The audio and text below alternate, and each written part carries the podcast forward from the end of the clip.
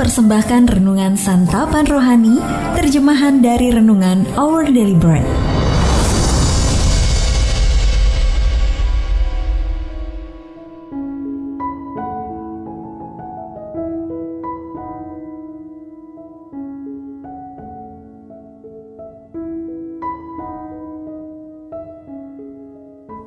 Sahabat Udibi, pembacaan Alkitab hari ini terambil dari Yehezkiel pasal yang ke-14 ayat yang pertama sampai dengan ayat yang ke-8. Yehezkiel pasal yang ke-14 ayat yang pertama sampai dengan ayat yang ke-8. Hukuman terhadap penyembah berhala-berhala. Sesudah itu datanglah kepadaku beberapa orang dari tua-tua Israel dan duduk di hadapanku maka datanglah firman Tuhan kepadaku, "Hai anak manusia, orang-orang ini menjunjung berhala-berhala mereka dalam hatinya dan menempatkan di hadapan mereka batu sandungan yang menjatuhkan mereka ke dalam kesalahan. Apakah aku mau mereka meminta petunjuk daripadaku? Oleh sebab itu, berbicaralah kepada mereka dan katakan, Beginilah firman Tuhan Allah: setiap orang dari kaum Israel yang menjunjung berhala-berhalanya dalam hatinya dan menempatkan di hadapannya batu sandungan yang menjatuhkannya ke dalam kesalahan, lalu datang menemui nabi. Aku, Tuhan sendiri, akan menjawab dia oleh karena berhala-berhalanya yang banyak itu, supaya aku memikat hati kaum Israel yang seluruhnya sudah menyimpang daripadaku dengan mengikuti segala berhala-berhala mereka. Oleh karena itu, katakanlah kepada kaum Israel, Beginilah firman Tuhan Allah, Bertobatlah dan berpalinglah dari berhala-berhalamu, dan palingkanlah mukamu dari segala perbuatan-perbuatanmu yang keji. Karena setiap orang baik dari kaum Israel maupun dari orang-orang asing yang tinggal di tengah-tengah Israel yang menyimpang daripadaku dan menjunjung berhala-berhalanya dalam hatinya dan menempatkan di hadapannya batu sandungan yang menjatuhkannya ke dalam kesalahan lalu datang menemui nabi untuk meminta petunjuk daripadaku baginya. Aku Tuhan sendiri akan menjawab dia, "Aku sendiri akan menentang orang itu, dan aku akan membuat dia menjadi lambang dan kiasan, dan melenyapkannya dari tengah-tengah umatku, dan kamu akan mengetahui bahwa Akulah Tuhan." Ayat Mas Renungan hari ini terambil dari Yehezkiel pasal yang ke-14 ayat yang ke-6. Beginilah firman Tuhan Allah, bertobatlah dan berpalinglah dari berhala-berhalamu dan palingkanlah mukamu dari segala perbuatan-perbuatanmu yang keji.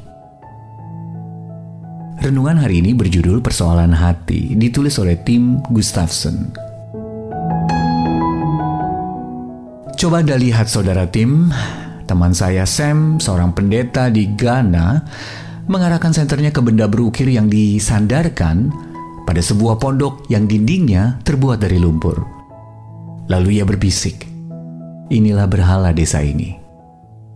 Setiap Selasa sore saya mengunjungi desa terpencil itu untuk membagikan firman Allah. Dalam kitab Yehezkiel, kita melihat penyembahan berhala telah mewabah di antara bangsa Israel.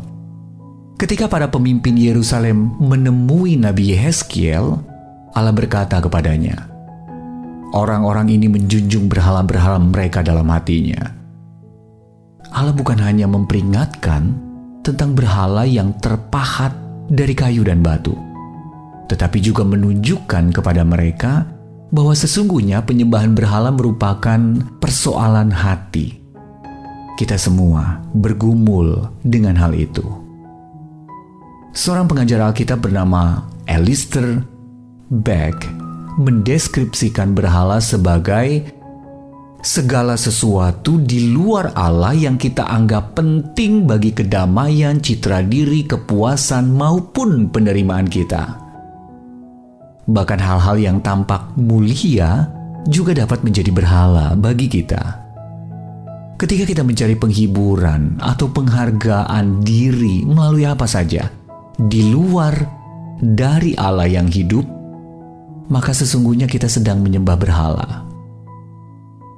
Firman Allah, bertobatlah dan berpalinglah dari berhala-berhalamu, dan palingkanlah mukamu dari segala perbuatan-perbuatanmu yang kecil. Ternyata Israel tidak mampu melakukannya. Namun syukur kepada Allah, dia mempunyai jalan keluar. Dalam nubuat tentang kedatangan Kristus dan karunia roh kudus, dia menjanjikan, kamu akan kuberikan hati yang baru dan roh yang baru di dalam batinmu. Dia tahu, kita tidak dapat melakukannya sendiri. Sahabat ODB saat tekanan melanda Anda, ke mana Anda berpaling mencari penghiburan? Berhala apa yang perlu Anda singkirkan hari ini? Mari kita berdoa. Ya Bapa tunjukkanlah berhala yang ada dalam hatiku, lalu tolonglah aku untuk menyingkirkannya, agar aku hidup di dalam kasih-Mu. Amin. Jika Anda ingin mendapatkan buku renungan ini dalam bahasa Indonesia, Inggris atau Mandarin, WhatsApp kami di 0878 7878 9978 atau email indonesia@odb.org. Persembahan kasih dari Anda memampukan Our Bread Ministries menjangkau orang-orang agar diubahkan. Tuhan memberkati.